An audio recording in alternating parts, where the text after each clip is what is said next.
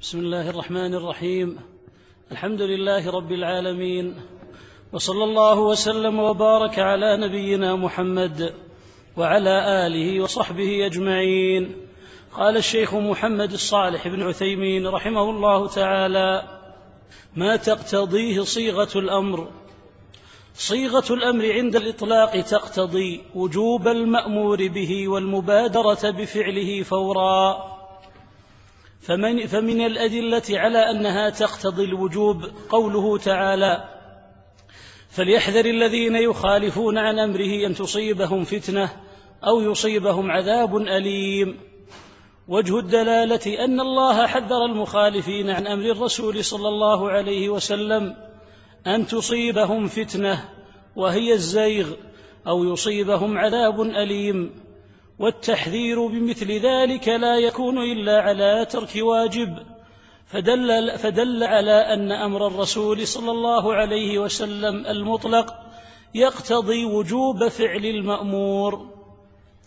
ومن الأدلة على أنه للفور قوله تعالى فاستبقوا الخيرات والمأمورات الشرعية خير والأمر بالاستباق إليها دليل على وجوب المبادرة ولأن النبي صلى الله عليه وسلم كره, كره تأخير الناس ما أمرهم به من النحر والحلق يوم الحديبية حتى دخل على أم سلمة رضي الله تعالى عنها فذكر لها ما لقي من الناس. ولأن المبادرة بالفعل أحوط وأبرأ والتأخير له آفات ويقتضي تراكم الواجبات حتى يعجز عنها. طيب. بسم الله الرحمن الرحيم. الحمد لله والصلاة والسلام على رسول الله. أما بعد فذكر الشيخ رحمه الله قضيتين. الأولى أن صيغة الأمر تدل على الوجوب إلا لصارف. وذكر الأدلة على هذا. العلماء عادة يستدلون على هذا يقولون دل عليه النقل ودل عليه أيضا النظر. فالنقل كما ذكر هنا فليحذر الذين يخالفون عن أمره وهكذا ما منعك أن تسجد إذ أمرتك لما أمر الله بالسجود لآدم صلى الله عليه وسلم. فما احتج إبليس وقال إنه لا يجب علي السجود لأن صيغة إفعل يعني الأمر ليست للوجوب. ف ومن جهة النظر يقولون بأن الإنسان إذا أمر ولده أو أمر خادمه أو أمر عبده أو أمر زوجته بأمر ولم يمتثل هذا المأمور فإن ذلك يكون من قبيل العصيان. وبناء عليه يستحق العقوبة. إذا قال لخادمه افعل كذا ولم يفعل وقال له أن الأمر ليس للوجوب. مثل هذا غير مقبول. هذا يقولون له دليل من النظر. والقضية الأخرى وهي أن الأمر للفور. هذه من المسائل المتعلقة بالأمر. بمعنى إذا أمر بأمر هل هذا للتراخي؟ عرفنا أنه للوجوب لكن هل عليه أن يفعل مباشرة؟ فإذا قال الله عز وجل مثلا افعلوا كذا. هكذا بإطلاق. فهل يجب علينا أن نفعل ذلك مباشرة أو نؤخر؟ طبعا هناك بعض الصور دل الشرع على أنها للتراخي فهذه لا كلام فيها. مثال أوقات الصلوات الموسعة فالصلوات لها وقت اختيار بحيث إن صلاة الفجر من طلوع الفجر إلى إلى طلوع الشمس. لكن الأفضل في أول الوقت. لكن لو أخر إلى الإسفار هل يأثم؟ الجواب لا. وقت صلاة العصر من منذ أن يصير ظل كل شيء مثله إلى أن يصير إلى أن يكون على مثليه. في بعض الروايات إلى الأصفرار وهذا هو الأقرب. أصفرار الشمس. فهذا وقت الاختيار. طيب لو أخرها في هذا الأثناء يعني ما صلى في أول دخول الوقت أو صلى بعد الأصفرار العذر هل يأثم؟ لا يأثم. ويكون قد صلى في الوقت. وهكذا لو أنه صلى صلاة الظهر الساعة الثانية والنصف. هل يأثم؟ هذا وقت اختيار. فهذا دل الدليل على أن المكلف له سعة وأن الامتثال لا يجب على الفور. وهناك بعض الصور مترددة مثل الحج. هل هو على الفور؟ بناء على أن الأمر للفور أو أنه ليس على الفور إما لأن الأمر المطلق ليس على الفور أو لدليل آخر خارج. باعتبار أن الحج مثلا فرض في السنة التاسعة النبي صلى الله عليه وسلم حج في السنة العاشرة فدل على أنه ليس على الفور في الحج. وقل مثل ذلك. وهناك أشياء لا يسع الوقت إلا للعبادة المشروعة فيه. فمثل هذا مثل صيام رمضان. هل في مجال أنه يصام رمضان في شوال؟ أو في أي شهر من شهور السنة؟ هكذا من غير عذر؟ لا هو وقته رمضان. هل يحتمل أن يصام فيه رمضان أطول من الفرض بحيث أنه يصام فيه فرض ونفل لا. هو على الفرض فقط يعني على مقداره. فمثل هذا الآن آه، ما دل الدليل آه، آه، عفوا ما لا مجال فيه أصلا لغير الفور فهو غير داخل معنا. وما دل الدليل فيه على أنه للتراخي فهو غير داخل معنا. ما الذي بقي؟ بقي الواسطة الوسط. الأمر المطلق الذي ليس عندنا دليل على أنه للفور ولم ي... و... و... وأيضا ليس كما ذكرنا بأنه مثل الصيام لا يسع الوقت فيه إلا للعبادة المعينة أصلا. وذلك مثل قضاء رمضان الآن. هل هذا من الواسطة؟ بحيث أنه يستطيع أن يقضي في أي وقت من أوقات السنة. في أي شهر من شهور السنة؟ لو نذر نذرا مطلقا.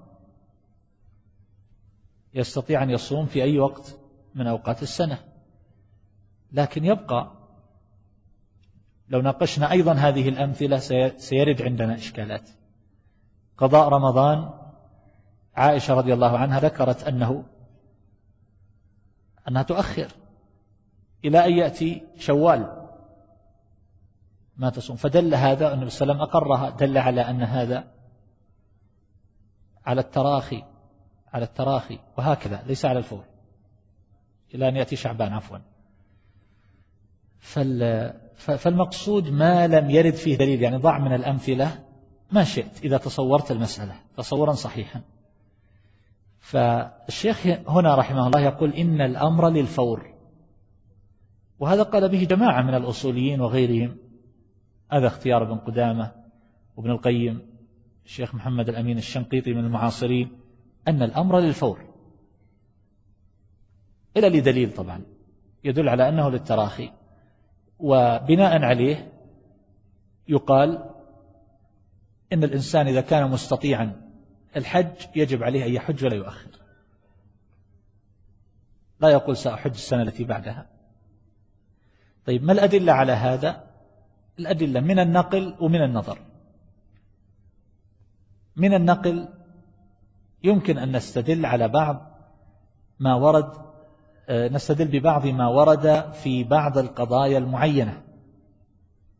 مثل ما هم بمسلمين ما هم بمسلمين في مسألة الحج.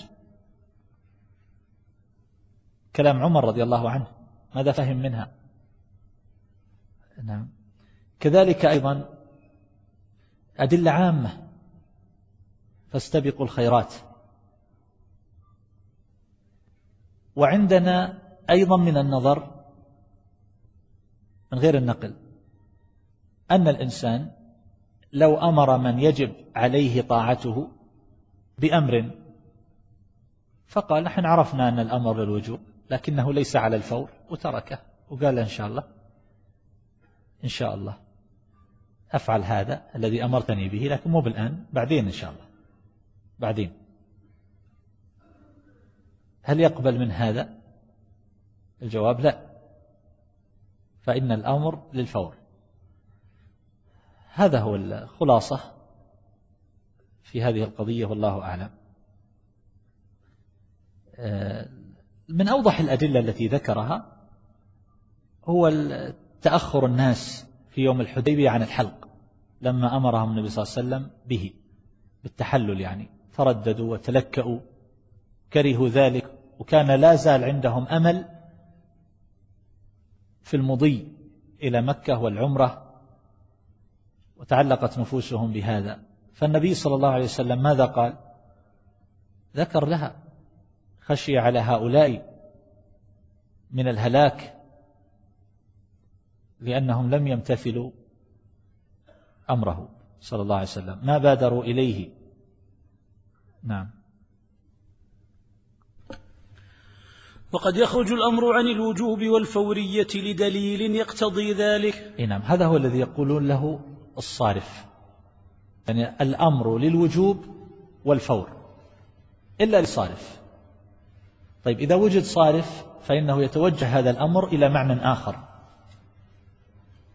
فيكون للندب أو, أو, أو الإباحة أو الإرشاد أو غير هذا بحسب القرينة. نعم. فيخرج عن الوجوب إلى معان منها. أولا الندب كقوله تعالى وأشهدوا إذا تبايعتم. فالأمر بالإشهاد على التبايع للندب بدليل أن النبي صلى الله عليه وسلم اشترى فرسا من أعرابي ولم يشهد. نعم لاحظ الآن. أشهدوا إذا تبايعتم. أمر. فإذا مشينا على القاعدة ماذا سنقول؟ الأمر للوجوب.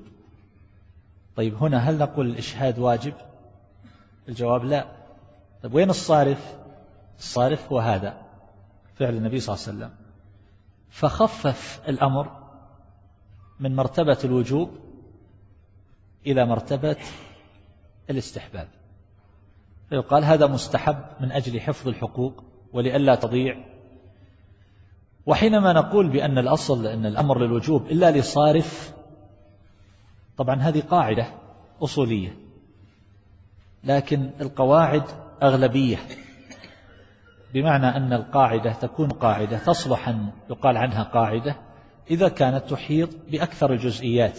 بمعنى يكفي أن يدخل تحتها من الجزئيات آه، ما يزيد على النصف. إذا دخل سبعون بالمئة ثمانون نحو هذا يكفي.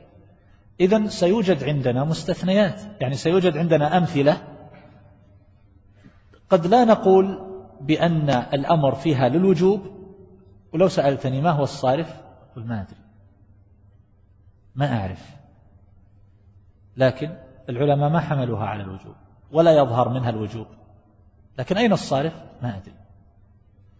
طيب هل هذا يبطل القاعدة؟ الجواب لا.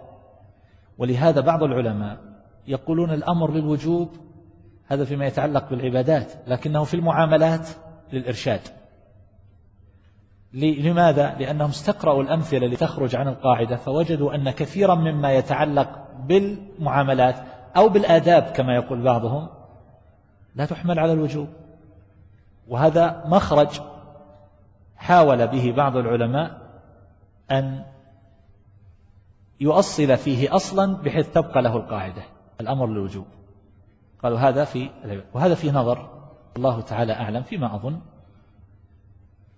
وهو أن يقال إنه يكفي في القواعد كما هو معروف. القواعد في العلوم هذه في الأصول والفقه والتفسير القواعد الحديثية ونحو هذا في علوم الحديث هذه كلها أغلبية. وليست كلية بمعنى الكلية الحقيقي بمعنى أنها مطبقة على جميع جزئياتها مئة بالمئة. اللي تكون قواعد كلية بهذا المثابة هي قواعد الحساب الرياضيات التي لا ينخرم منها شيء. أما باقي القواعد ففيها مستثنيات. لكن غاية ما نقول كثر الله خير هذه القاعدة أنها تحمل سبعين بالمئة من الجزئيات فطالب العلم يلم له شعثها ويستطيع أن يكون عنده ضوابط أصول يمشي عليها. والمستثنيات؟ تبقى مستثنيات خلاف القاعدة. هذا من أجل لا يشكل عليكم لأنكم ستجدون أشياء كثيرة أمثلة أمر ومع ذلك لا يقول للوجوب وين الصارف؟ ما إحنا بشايفين صارف. وين الصارف؟ طبعا بغض النظر عن المثال المعين هل نوافق عليه ولا ما نوافق عليه لكن ستجدون أشياء. يعني لو نظرتم الآن كلام الفقهاء على سبيل المثال نأخذ مثال من الآداب. قص الشارب. نعم. النبي صلى الله عليه وسلم أمر به ولا لا؟ أحفو الشوارب. إذا نظرت إلى كلام الفقهاء يقولون للاستحباب. وين الصارف؟ أين الصارف؟ نتف الإبط. يقولون للاستحباب وين الصارف. ما عندنا صارف. الفقهاء هؤلاء رحمهم الله فهموا هذا. لكن لو طولبوا بالدليل ليس عندهم دليل. ما عندهم دليل. وفي حدود ما أعلم. مع أن القول بأنه يجب قول له وجه تؤيده القاعدة. الشارب لا يزيد على أربعين يوما. سنن الفطرة عموما. طيب تفضل. ثانيا الإباحة. وأكثر ما يقع ذلك إذا ورد بعد الحظر أو جوابا لما يتوهم أنه محظور. نعم. يعني الآن حينما يقال الأمر للإباحة. قلنا الأصل أن الأمر للوجوب. الله عز وجل يقول نعم إذا نودي للصلاة من يوم الجمعة ها أسعوا إلى ذكر الله. هذا أسعوا فعل أمر وهو محمول على إيش؟ على الوجوب. في صارف؟ لا يوجد صارف على الوجوب. طيب. وذروا البيع. ذروا ذر بمعنى اترك. ذروا هذه هذه أمر ولا نهي؟ إحنا يفترض أننا نجيب جوائز لكن إن شاء الله في الدورة القادمة. ذروا هذه أمر ولا نهي؟ أمر أمر. أمر. جيد. من يقول إنها نهي؟ لماذا؟ أنا ما قلت لكم من أول درس في الأصول لازم تزن الحرف؟ لأنه طلب ترك. أي ما هو النهي عندهم؟ الأمر ما هو؟ الأمر ما هو عندهم؟ الأمر افعل. والنهي لا تفعل. طبعا الأمر افعل لتفعل. نعم. والمصدر الذي بمعنى الأمر الأشياء التي سبقت. طيب هل هذه منها؟ ولا من لا تفعل؟ ولا مين من الأول. أمر يسمونها أمر. والنهي لا تفعل. لا تبع. جيد. هذا أمر إذن. طيب ذروا البيع. هذا أمر والأمر للوجوب. يجب علينا أن نترك البيع.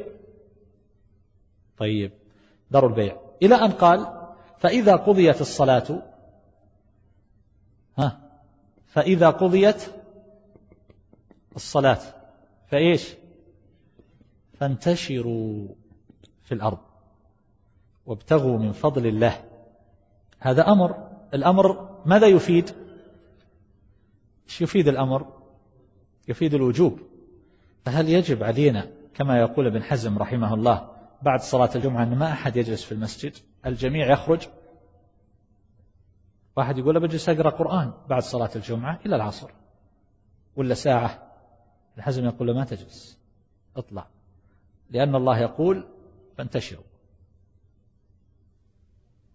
طبعا الجمهور من العلماء يقولون لا هذا ليس للوجوب. القاعدة ما هي؟ أن الأمر بعد الحظر اختلف العلماء فيه. اختلفوا فيه. والأرجح أن الأمر وين الحظر الآن؟ جيد. إيه إيه. دار البيع. الأمر بعد الحظر يرجع إلى ما كان عليه الحكم قبله. ما حكم البيع قبل النداء للجمعة نداء الجمعة الثاني؟ مباح. نودي للجمعة نداء الثاني؟ قال لهم داروا البيع. خلاص توقفوا.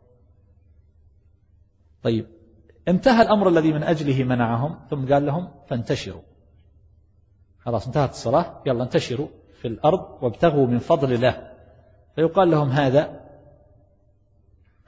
هذا يرجع إلى ما كان عليه قبل ذلك. النبي صلى الله عليه وسلم نهى عن ادخار لحوم الأضاحي جيد. فوق ثلاث. ثم بعدين ماذا قال لهم؟ قال لهم بعدين إنما نهيتكم من أجل الدافة فكلوا وادخروا صيغة أمر. فكلوا ها وادخروا. خلاص. أمر. هل نقول يجب على الإنسان أن يأكل ويدخر من الأضحية؟ ولا ما يجب؟ ما يجب. طيب إذا هنا إلى أي شيء يرجع؟ نهى عن الأكل. فوق ثلاث فكلوا وادخروا. نشوف الأكل ما حكمه قبل النهي؟ من الهدي من الهدي من الأضحية عفوا. ها؟ الأكل منها ما حكمه؟ سنة. جيد. الأكل سنة هذا الأكل منها. طيب. والادخار؟ ما به الادخار مباح. فقال فكلوا وادخروا نرجع للحكم اللي قبل النهي. هنا جو فقراء في المدينة فقرهم شديد. فالنبي صلى الله عليه وسلم منع من الادخار جو في وقت عيد الأضحى. منع من الادخار من أجل أن الناس هؤلاء يعطون. لحل مشكلة. فانتهت هذه المشكلة. بعدين قال لهم لا يظن أنها سنة مضطردة. قال كلوا وادخروا. أنا نهيتكم لعلة زالت العلة. فصار الأكل سنة والادخار مباح. لكن الواحد يقول يجب علينا ندخر ترى من لحوم الأضحية. يجي درس ربع الأصول يروح ويقول لأهله شوفوا يا جماعة ادخروا جزء منها. لأن وسلم قال كلوا وادخروا. يجب أن نأكل ويجب أن ندخر.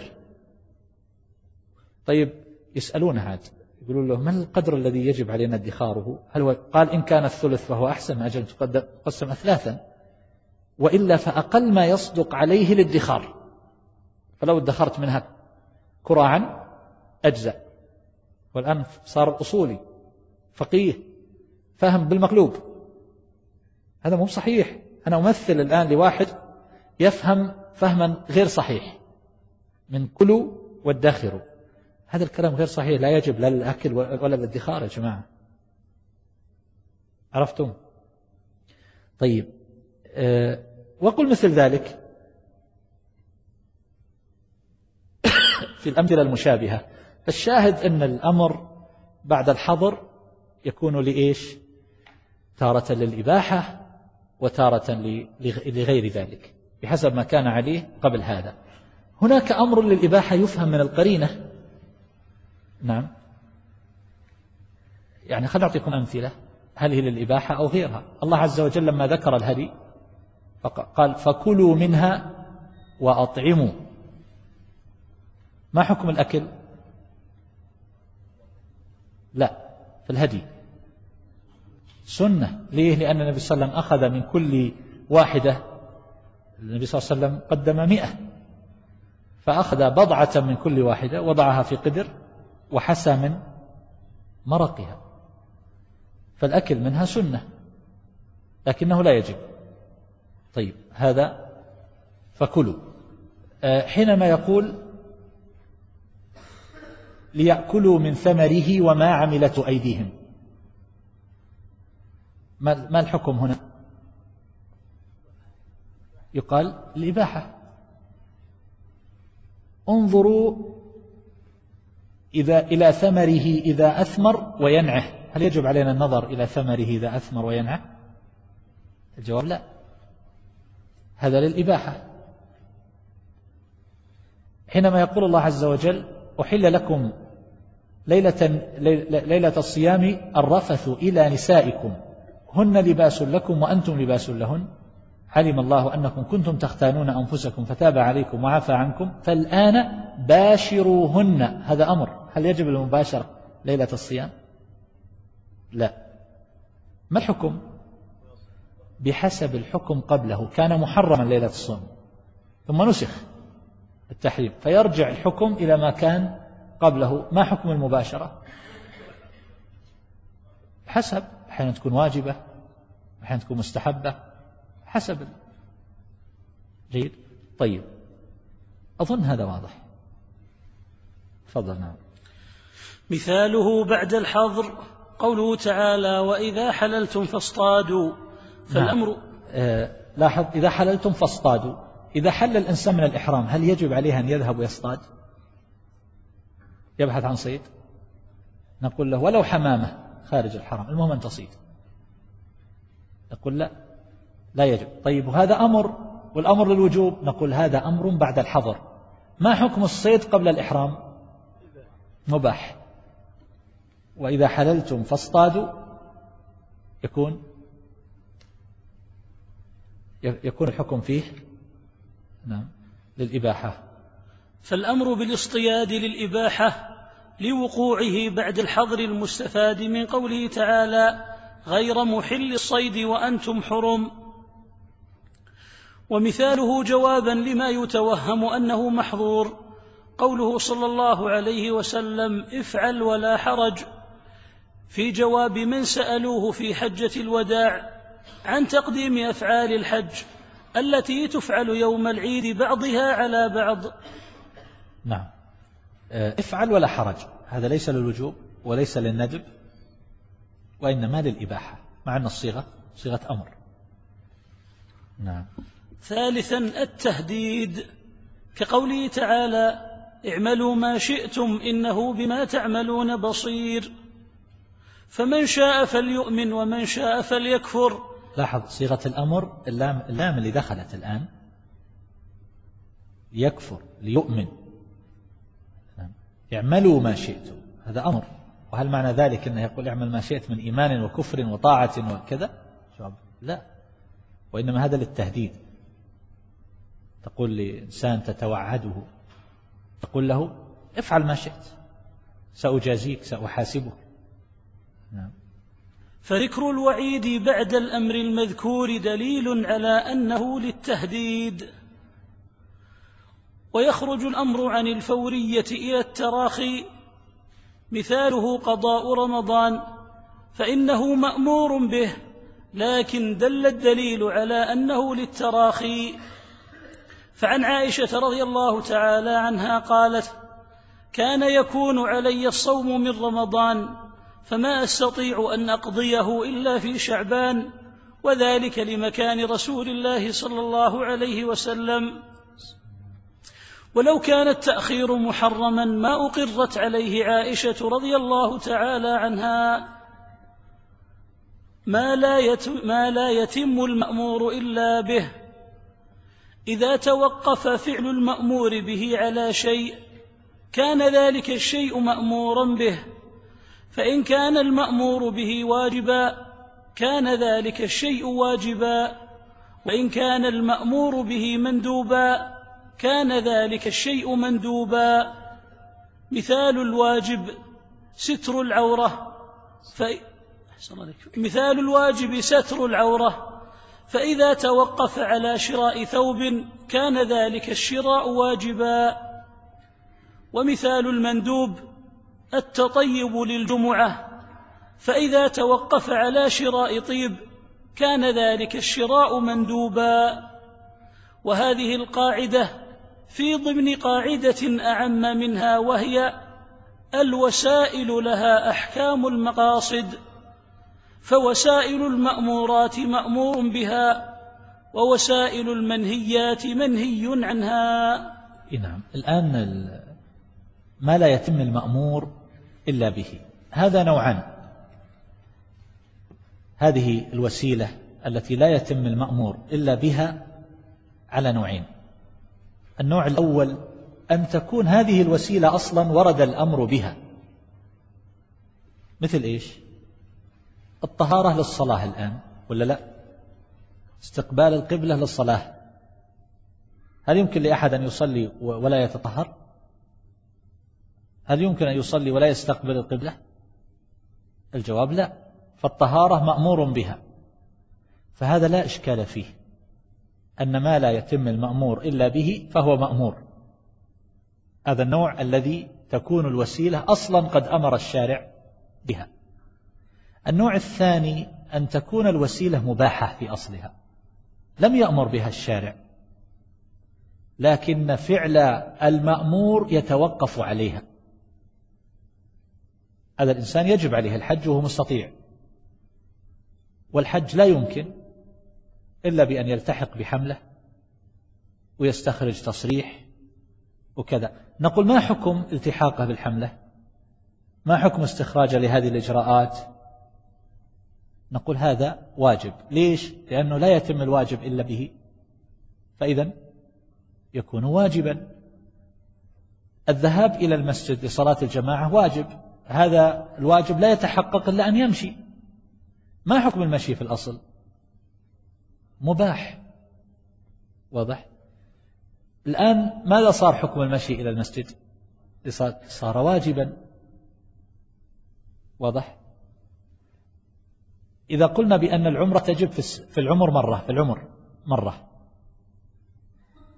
وهو الآن هنا في الشرقية. ولا يمكن يذهب يعتمر إلا أن يرتب أمور السفر يحجز في الطائرة أو يشتري تذكرة أو يذهب بوسيلة أخرى أو ما حكم تحصيل هذه الوسائل التي يذهب بها إلى العمرة؟ واجب. واجب. واضح؟ وهكذا. فالوسائل لها أحكام المقاصد. فالشيء قد يكون مباحا لكنه يأخذ حكما آخر بالنظر إلى معنى تعلق به يعني صار وسيلة إلى واجب. وقد يكون هذا المباح مستحبا لأنه صار وسيلة إلى شيء مستحب. هو يريد أن يعتمر عمرة جديدة. مستحبة ليست واجبة. فهنا نقول له إن السعي لهذا وتحصيل الأسباب الموصلة إليه أن هذا من قبيل المستحب. والأسباب التي تؤدي إلى المباح تكون على حالها مباحة. وأسباب المكروه مكروهة. لعل هذا واضح. طيب. هذه مسألة ما لا يتم الواجب إلا به. ما لا يتم المأمور عبر بهذا. المأمور إلا به. في كتب أوسع من هذا تدرس مسألة أخرى فيها تفصيل آخر. تترك لحينها إن شاء الله. نعم تفضل. النهي. تعريفه النهي قول يتضمن طلب الكف على وجه الاستعلاء. نعم لاحظ. قلنا قول كما قلنا في الأمر. يتضمن طلب الكف. هناك طلب الفعل. وكما قلنا بأن الأمر استدعاء الفعل استدعاء الفعل بالقول على وجه الاستعلاء. هنا نقول في النهي استدعاء الترك بالقول على وجه الاستعلاء. فما يقال في في الاستعلاء هناك؟ يقال في الاستعلاء هنا وعرفنا ما معنى الاستعلاء. يعني في الصيغة. افعل. لا تفعل. هذا هو الأمر وهذا هو النهي. طيب. بصيغة مخصوصة هي المضارع المقرون بلا الناهية مثل قوله تعالى ولا تتبع أهواء الذين كذبوا بآياتنا والذين لا يؤمنون بالآخرة.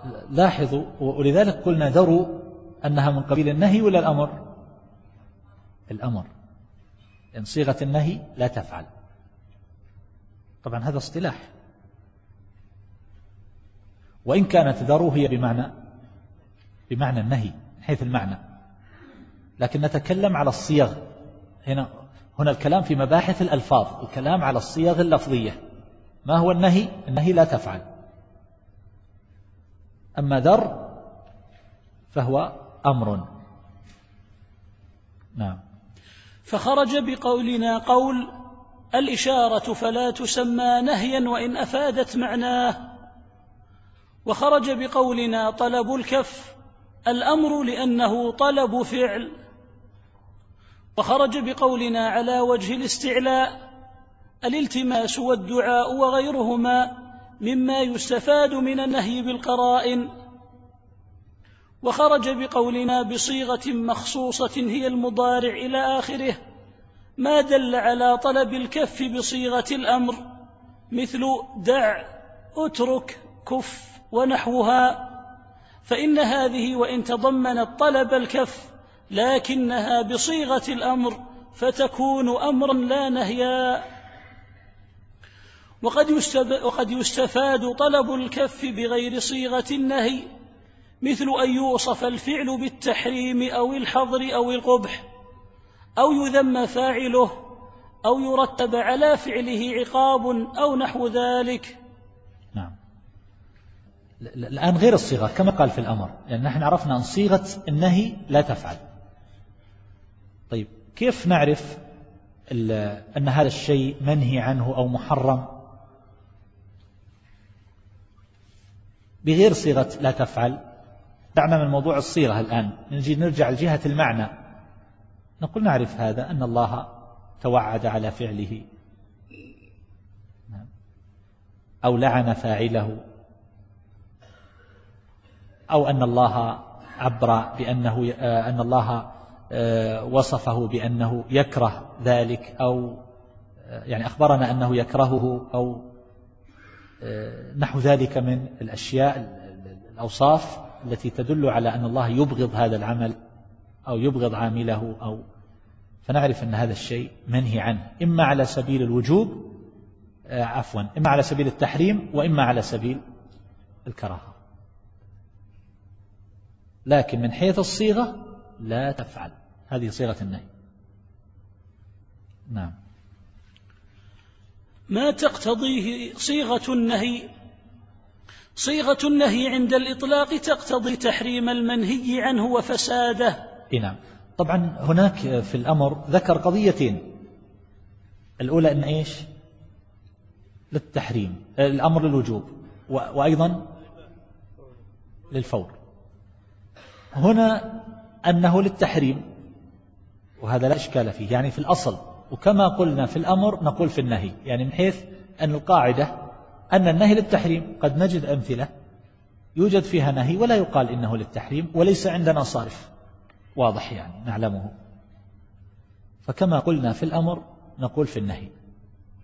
قواعد أغلبية. النهي للتحريم إلا لصارف. قال هنا صيغة النهي عند الإطلاق تقتضي التحريم المنهي عنه؟ وفساده. القضية الثانية اللي ما ذكرها في الأمر. النهي للفساد يقتضي الفساد وهذه فيها تفصيل. نترك الآن الكلام نقرأ كلام المؤلف. رحمه الله. نعم تفضل. فمن الأدلة على أنها تقتضي التحريم قوله تعالى وما آتاكم الرسول فخذوه وما نهاكم عنه فانتهوا فالأمر بالانتهاء عما نهى عنه يقتضي وجوب الانتهاء ومن لازم ذلك تحريم الفعل. نعم. طبعا هنا ما في مجال أن يقال أن النهي للتحريم والفور كما قال في الأمر. لأن هذا لا يحتاج إلى تنبيه. بمجرد النهي عنه لا يجوز للإنسان يتعاطاه وإلا صار عاصيا. ولذلك مسألة الفورية في النهي لا يذكرها العلماء أصلا. وهذا واضح. طيب ننتقل إلى مسألة كون النهي يقتضي الفساد. نعم تفضل.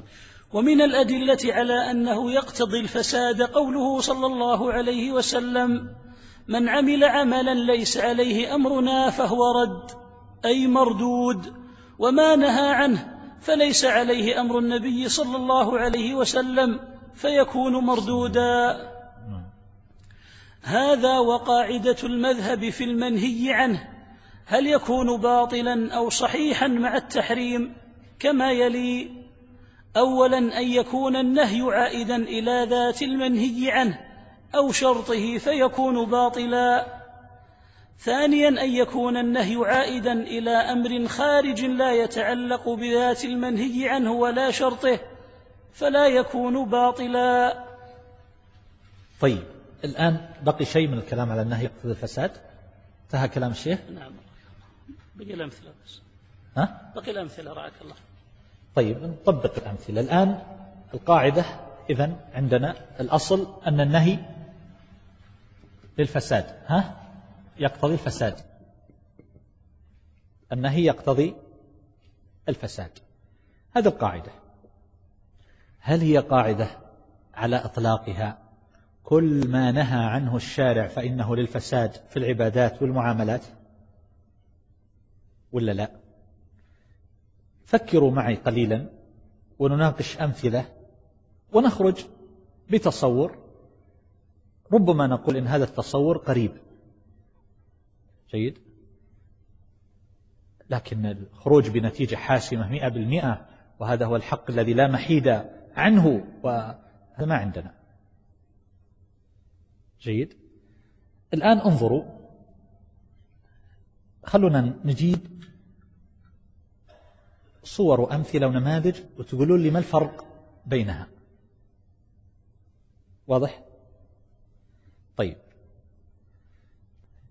هناك أشياء الشارع نهى عنها لذاتها.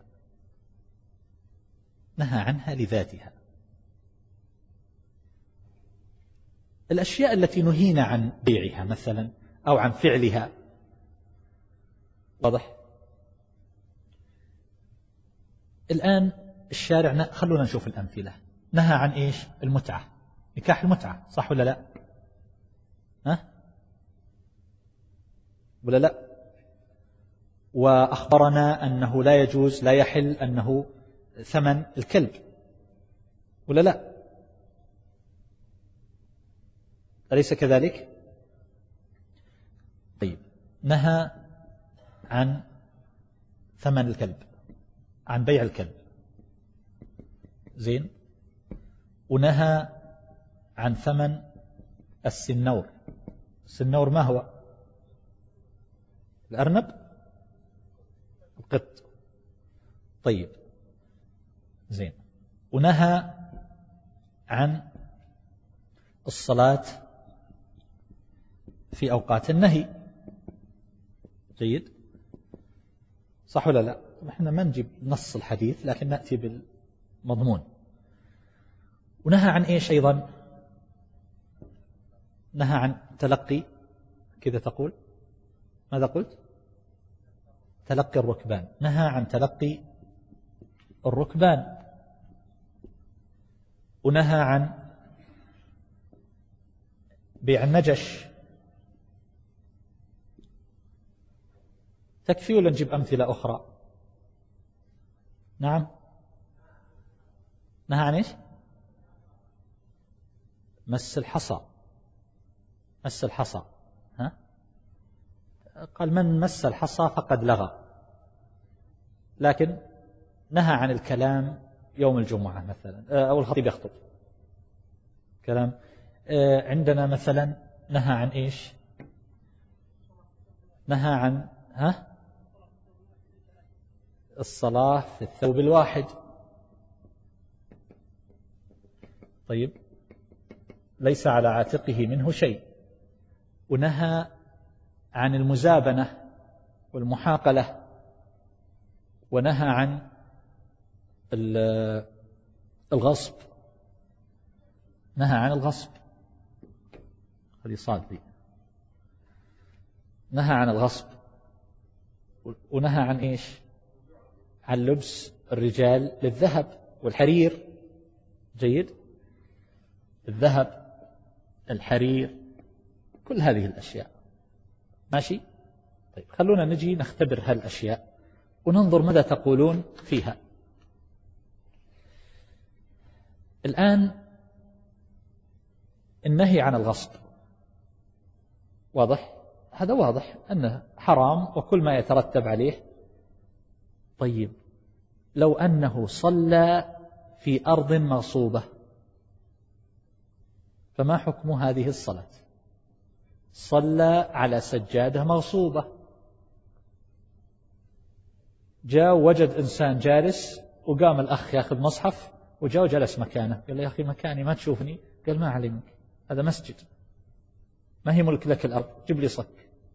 يعتبر هذا صلاته مكان مغصوب جيد؟ إذا صلى في المكان المغصوب الغصب حرام. طيب هل صلاته صحيحة ولا ما هي بصحيحة؟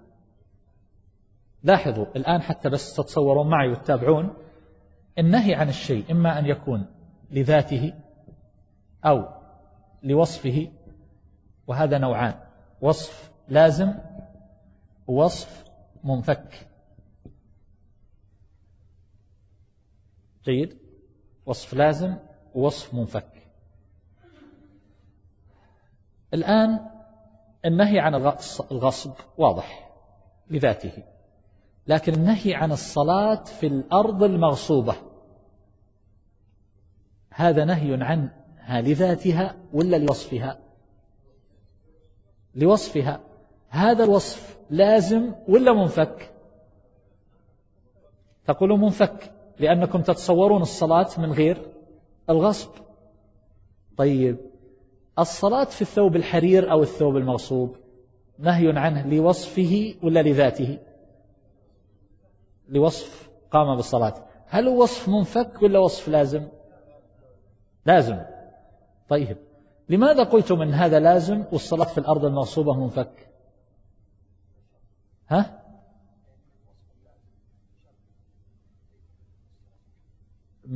قصدك إنها فيما يتعلق بالعورة. إذا كنت تريد تقول هذا صلى في الثوب المغصوب. طيب لو صلى في عمامة مغصوبة تصح ولا ما تصح؟ تصح. نعم. بعض العلماء فرق قال إن كان مما يدخل في شرطها يعني ستر العورة بالنسبة للرجل من السرة إلى الركبة فصلاته لا تصح لأنه تعلق بالشرط والشرط وصف لازم. عرفتوا كيف؟ لكن لو صلى بقميص فقط أعلى جسده وليس يستر عورته ولبس إزارا مباحا قالوا صلاة تصح لأن هذا الوصف منفك. وبعض العلماء قالوا لا أصلا صار هذا الثوب المغصوب ظرفا له فلا تصح صلاته. والذين قالوا لا هذا وصف منفك لأن نتصور الصلاة من غير الثوب. طيب والصلاة في المكان المغصوب؟ قالوا لا. هذا محل مكان. ركوعه وقيامه وسجوده هي عبارة عن عمليات غصب. ما هي صلاة ذي حركاته في هذا المكان هي تكريس لهذا الغصب. لاحظتم؟ فقالوا هذا وصف لازم والثوب وصف منفك. عند التطبيق ما اتفقوا. الذين فرقوا هذا التفريق قالوا ما نهي عنه لذاته فهو للفساد. وما نهي عنه لوصفه اللازم قالوا للفساد. لوصفه المنفك قالوا يأثم مع الصحة ليس للفساد. الوصف لكن عند التطبيقات يصعب جدا. هم من حيث التنظير ينظرون. إذا جو يطبقون على الأمثلة اختلفوا. ولذلك نشوف الآن نهى عن الصلاة بالذهب. آه، مو بنهى عن الصلاة. النبي صلى الله عليه وسلم نهى الرجال عن لبس الذهب والحرير. لو أن رجلا صلى وعليه خاتم من ذهب ما حكم صلاته؟ صحيحة؟ ليه؟ لأن الوصف منفك كذا؟ طيب. بعض العلماء قال به بعض المالكية يقول لو نظر إلى إلى محرم أثناء الصلاة تبطل صلاته. وهذا فيه نظر. لكن أقول لكم عند التطبيق طيب لا يصلين أحدكم في الثوب الواحد ليس على عاتقه منه شيء. ثوب واحد يعني مثل الإزار ما يغطي المنكب. ما حكم الصلاة؟ وهو يستطيع عنده ثياب ليس على عاتقه منه شيء. الأصل مقتضى القاعدة أن الصلاة لا تصح. مع أن الجمهور يقولون أن ذلك من باب الكمال كمال الزينة وليس ذلك للوجوب لكن مقتضى القاعدة أنها لا تصح. فالذين يقولون إنها للكمال ويقولون ذلك لا يجب والصلاة تصح ماذا يخرجونه؟ يقول هذا ما يخرج عن القاعدة. كل قاعدة لها استثناءات. فنحن نفهم من الأدلة وكذا. طيب. نهى النبي صلى الله عليه وسلم عن نكاح المتعة. واحد عقد نكاح متعة. ما حكم هذا؟ ها؟ لإيش؟ صار؟ هذا نهي عنه لإيش؟ نقول لذاته فهو للفساد. نهى عن بيع الكلب. نعم. لذاته فهو للفساد. العقد باطل ما يحل له المال اللي أخذه. طيب. نهى عن ثمن السنور لذاته فإذا هذا لا يحل. طبعا على خلاف ليس المسألة لا تتعلقون بالأمثلة. نهى عن الصلاة في أوقات النهي. لا صلاة بعد الصبح حتى ها؟ هذا لذاته ولا لوصفه هذا لوصفه. جيد؟ هذا الوصف هل هو لازم ولا منفك؟ جيد. ممكن بعضكم يقول لازم ممكن بعضكم يقول منفك تترددون وبعضكم يبتسم. لأن القضية عندها تحتمل ولا لا؟ فهنا إذا قلنا إن هذا وصف لازم عن الصلاة في كذا نقول غير ذوات الأسباب. لو جاء واحد قال أنا بتنفل نفل مطلق مثل هذه الساعة الآن. هذا وقت نهي. نقول لصلاتك هذه غير صحيحة. لغير ذوات الأسباب. لا هي تحية مسجد ولا. طيب. نهى عن تلقي الركبان. راح واحد وتلقى الركبان واشترى منهم. طبعا هذا فيه اختلاف كثير. ولماذا نهي عن تلقي الركبان؟ هل هو لمصلحة الركبان من أجل ما يأخذ منهم بأقل من سعر السوق؟ ولا لمصلحة أهل السوق؟ طيب لو مروا عليه الركبان وهو ما راح يتلقاهم هو ساكن بطرف البلد. هو ساكن استراحة خارج البلد والركبان هو مسافر وقابلوه الركبان. ما تلقاهم هم جولة واتصلوا عليه أبو فلان ترى معنا كذا وكذا إذا كان تبي. قبل ما نصل السوق ونبيعهن شو الحكم؟ ما تلقى. مسألة تلقي الركبان بحسب العلة تكلم عليها العلماء لكن لو أخذناه بظاهره هكذا. فنقول إيش؟ البيع باطل.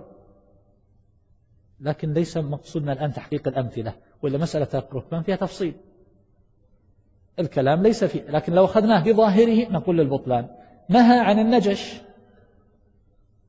النهي عن النجش الآن من أجل ماذا؟ هل هو من أجل يعني الآن النجش يقع على صور يمكن نفس البائع يأتي بفريق يرفعون السعر لتنفيعه هو ويمكن أن يحصل عكس هذا. عكس النجش. يأتون ويجتمعون عليه ويطيحون من قيمتها بحيث أنه يشعر أن هذه السلعة ما تجيب شيء وهم كلهم سماسرة قد اتفقوا عليه. جيد؟ فالشاهد بيع النجش أيضا العلماء اختلفوا فيه. لكن لو بقينا على الظاهر يقال العقد باطل. البيع فاسد. أنا لا أقصد هذا الآن. أنا أقصد فقط تقريب صورة لكم وليس التعلق بالأمثلة. ما هو درسنا فقه الآن لاحظوا هذا نقول عن بيع النجش تلقي الركبان هذه منها ما يكون لوصفه اللازم منها ما يكون لوصفه المنفك. فالعلماء عند تطبيق يقع عندهم اختلاف في القاعدة. ولهذا بعضهم قال إن الذي عليه عمل السلف وتدل عليه ظواهر النصوص أنه للفساد مطلقا. ولا نفرق إلا إذا دل الدليل على الصحة. جيد؟ والذي أظنه أقرب والله تعالى أعلم أن يقال مسألة النهي واقتضاء النهي للفساد أنه إن ورد إن ورد نعم إن ورد النهي مرتبطا بالعمل المعين فهو للفساد إلا إذا دل الدليل على الصحة. إذا وجد دليل يدل على الصحة. جيد؟ فنهى النبي صلى الله عليه وسلم عن الصلاة بعد الصبح حتى تطلع الشمس. من صلى بعد الصبح غير ذوات الأسباب فإن صلاته باطلة. واضح؟ جيد؟ نهى عن آه، ثمن عن بيع الكلب أو عن ثمن الكلب. البيع الكلب باطل. لا تقربوا الصلاة وأنتم سكارى. ها؟ وأنتم سكارى. الذي يصلي هو سكران. لاحظ النهي عن السكر جاء في نصوص فاجتنبوه. لكن جاء النهي مرتبطا بالصلاة. فما حكم الصلاة وهو سكران؟ صلاته باطلة. صلاته باطلة. أما إذا جاء النهي منفكا عن العبادة مثل النهي عن الغصب النهي عن الظلم النهي عن لبس الحرير النهي عن لبس الذهب بالنسبة للجاء لكن ما جاء في خصوص الصلاة فنقول الصلاة صحيحة ولكن مع الإثم. صلاة صحيحة ومع الإثم. لاحظتم كيف؟ هذا أوفق وأيسر في تطبيق القاعدة. آه، طبعا حتى بس نوضح الوصف المنفك ماذا يقصدون به. الوصف المنفك نعطيكم مثال عليه الآن. على اختلاف في التطبيقات لكن هذا إنسان يتوضأ. الماء الذي يتوضأ به مغصوب الإناء مغصوب. الآن الإناء يقولون وصف لازم آه، عفوا الماء وصف لازم طهارة الماء. وقعت بماء مغصوب لا تصح. الإناء لو كان مغصوب لو كان مغصوبا والماء ليس بمغصوب. الإناء بس هو اللي مغصوب. وش يكون الحكم؟ يقولون هذا وصف منفك. يأثم والطهارة صحيحة. والأقرب الله تعالى أعلم أنها تصح الصلاة بالماء المغصوب ولكن مع الإثم. تصح مع الإثم. جيد؟ هذه مسألة النهي يكون النهي يقتضي الفساد وفيها تفصيل في المطولات على كل حال. و... اتضحت ولا ما اتضحت؟ ها؟ التفريق؟ جبت لك المثال الأخير يبسط لك القضية. الدليل عليه من جهة النظر. من جهة النظر. يعني إذا قالوا مثلا يتعلق بشرطه ستر العورة شرط. فإذا كان النهي يتعلق بأمر له صلة به كالثوب المغصوب الذي يستر العورة فيقولون هذا لا تصح معه الصلاة. هذا وصف لازم. وصف منفك عمامة مغصوبة. جيد؟ والذي يظهر والله أعلم أن الصلاة تصح على أي حال من هذا ولكن مع الإثم. مع الإثم. نعم. كيف؟ البطال يتعلق بمسألة أخرى وهي ستر العورة. على كل حال يتعلق بستر العورة. فالإنسان يستر والستر يطلب فيه أن لا يشف ولا يصف. لا يشف ولا يصف. فينظر في البنطال وتطبق عليه هذه الشروط. طيب آه، نكمل قليلا. مثال العائد إلى ذات المنهي عنه في العبادة. النهي عن صوم يوم العيدين. ومثال العائد لاحظ الآن على القاعدة لذات المنهي عنه الصوم. بعض العلماء يقول لا هذا مو بذاته هذا لوصفه لأن الصوم متصور ولكنه وقع في ظرف جيد غير جيد. يقول وقع في ظرف لا يجوز فيه الصوم. بل بعضهم كالحنفية يقولون الصو... لو نذر أن يصوم يوم العيد صح النذر ولكنه يصوم في يوم آخر. الشاهد أن النهي هنا تعلق على القاعدة اللي ذكرتها أخيرا. النهي جاء عن العبادة بخصوصها بهذا الوصف. نهى عن صوم العيدين يومي العيد. فنقول من صام يوم العيد فصيامه باطل وخلص. سواء قلنا نهي عن هذا لذاته أو لوصفه اللازم. طيب يعني مثل الآن الوصف اللازم نهى عن الربا عقود الربوية والبيوع الربا بعضهم يقول هذا النهي عنه لذاته وبعضهم يقول لا هذا لوصفه. طيب أي وصف؟ بعضهم يقول هذا وصف لازم وبعضهم يقول لا نحن نتصور البيع بدون الربا.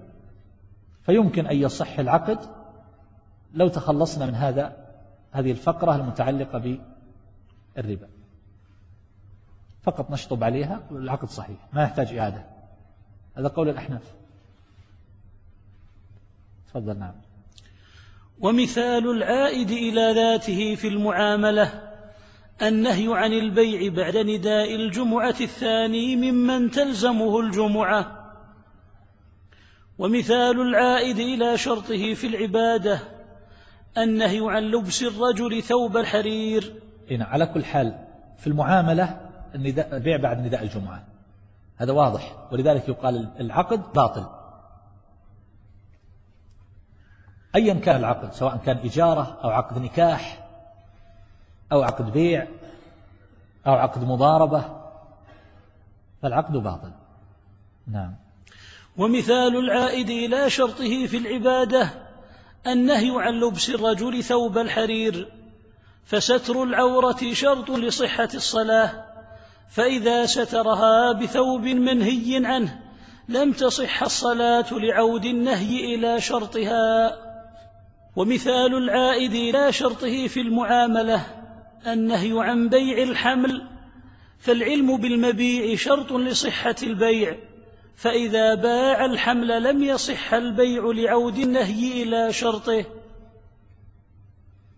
يعني لو قال أبيعك ما في بطن هذه الدابة يصح ولا ما يصح؟ ما يصح للجهالة. نعم.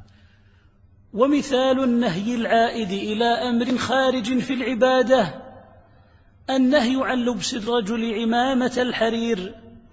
فلو صلى وعليه عمامة حرير لم تبطل صلاته لأن النهي لا يعود إلى ذات الصلاة ولا شرطها.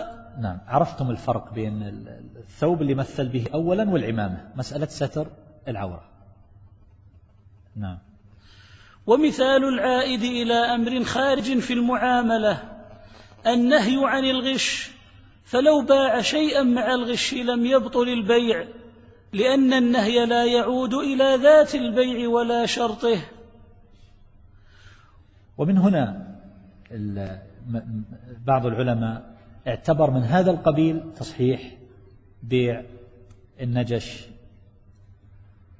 وأيضا آه، مسألة تلقي الركبان. قالوا كل هذا لما يقع فيه من الظلم وإلا فالعقد صحيح. هكذا قال بعض أهل العلم صححوه. بهذا الاعتبار. نعم. وقد يخرج النهي عن التحريم إلى معان أخرى لدليل يقتضي ذلك. فمنها أولا الكراهة ومثلوا لذلك بقوله صلى الله عليه وسلم لا يمسن أحدكم ذكره بيمينه وهو يبول. فقد قال الجمهور إن النهي ها هنا إن النهي هنا للكراهة لأن الذكر بضعة من الإنسان والحكمة من النهي تنزيه اليمين. لاحظوا الآن نهي صريح الصارف هنا الذي ذكروه دليل من النظر ولا دليل من النقل؟ دليل من النظر. وهل هذا الدليل من النظر هنا في هذا المثال يصلح أن يكون صارفا؟ الجواب لا. ومع ذلك ما حملوه على التحريم. فهذا إن حمل على الكراهة يقال فيه ما سبق. من أن القواعد هذه ما بها أغلبية أنها أغلبية. أغلبية. فهذا مما يخرج عنها. إذا أخرجناه إذا أخرجناه. وليس المقصود تحقيق الأمثلة. إنما التقريب فقط.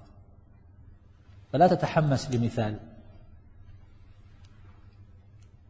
لسنا هنا نقرر أحكام فقهية في الأمثلة. لا لا تقريب فقط. نعم. ثانيا الإرشاد مثل قوله صلى الله عليه وسلم لمعاذ رضي الله تعالى عنه لا تدعن أن تقول دبر كل صلاة اللهم أعني على ذكرك وشكرك وحسن عبادتك. نعم. طبعا نهي هنا للإرشاد؟ لا تدعن. ولو تأمله الإنسان قد يقول فيه شيئا آخر. من هذا أعلى من مجرد الإرشاد. ما يدل على استحباب مع أن هذا ليس بأمر لكن يفهم من المعنى. لكن توجد أشياء للإرشاد. مثل قول النبي صلى الله عليه وسلم لبريرة لما طلقها زوجها مغيث عفوا لما أعتقت فكانت مملوكة فأعتقت فزوجها مغيث يريد البقاء معها وهي لا تريده فكان يتبعها ويكفكف دموعه. فلما رآها النبي صلى الله عليه وسلم في هذه الحال قال لها لو راجعته قالت لا حاجة قالت تأمر أم تشفع؟ فقال بل أشفع. فقالت لا حاجة لي فيه.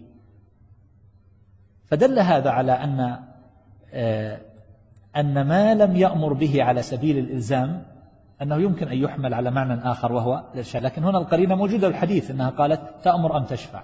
لكن فهمنا من أم تشفع أن الأمر يأتي بمعنى آخر وهو الإرشاد. فأمره لها لو ما سألت كان على سبيل الإرشاد ثم أبان عنه لما سألته.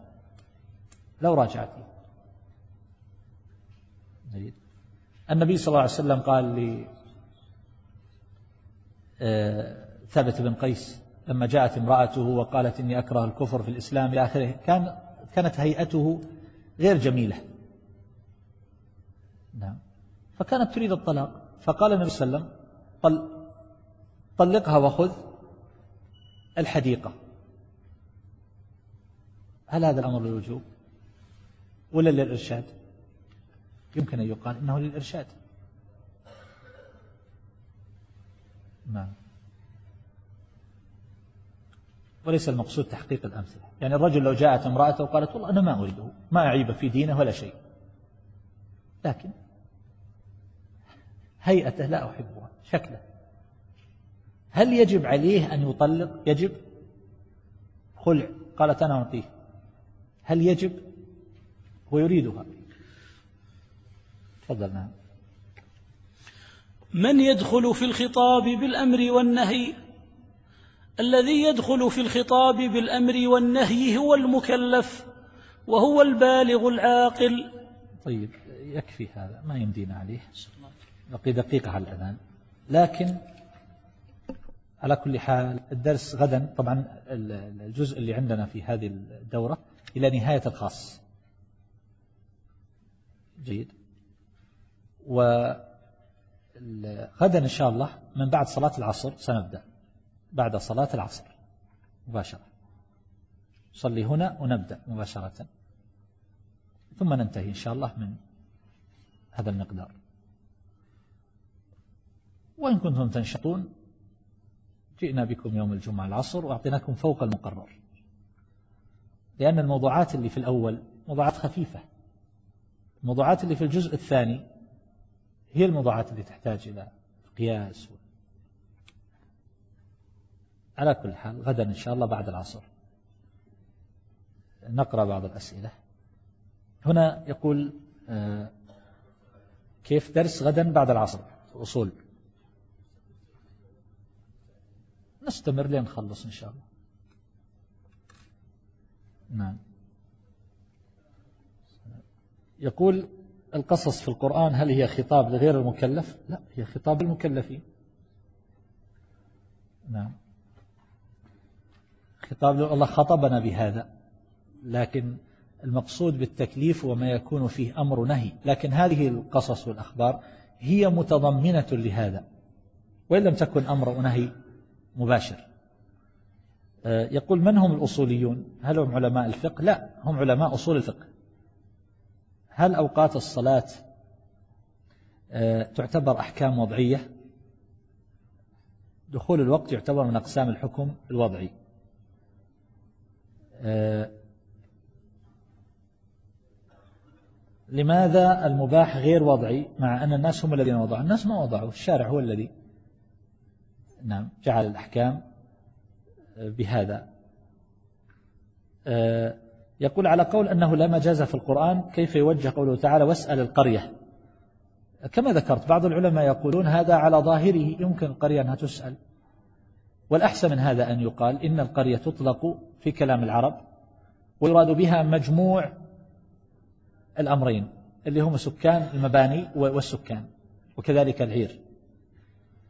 آه، يقول وما هي القرينة التي في الآية؟ وماذا يسمى يسمي نفاة المجاز مثل هذه الكلمة أو هذا الاسم؟ يسمونه أسلوب عربي.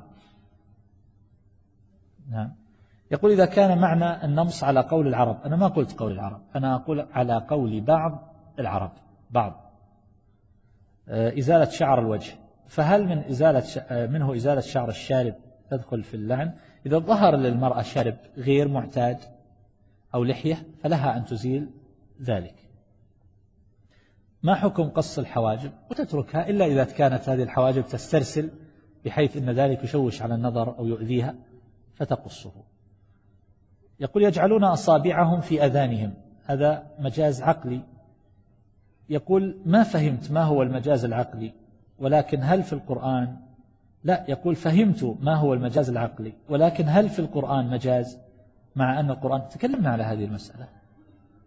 كلام أهل العلم فيها. من يقول إنه لا يوجد مجاز ها؟ أذان.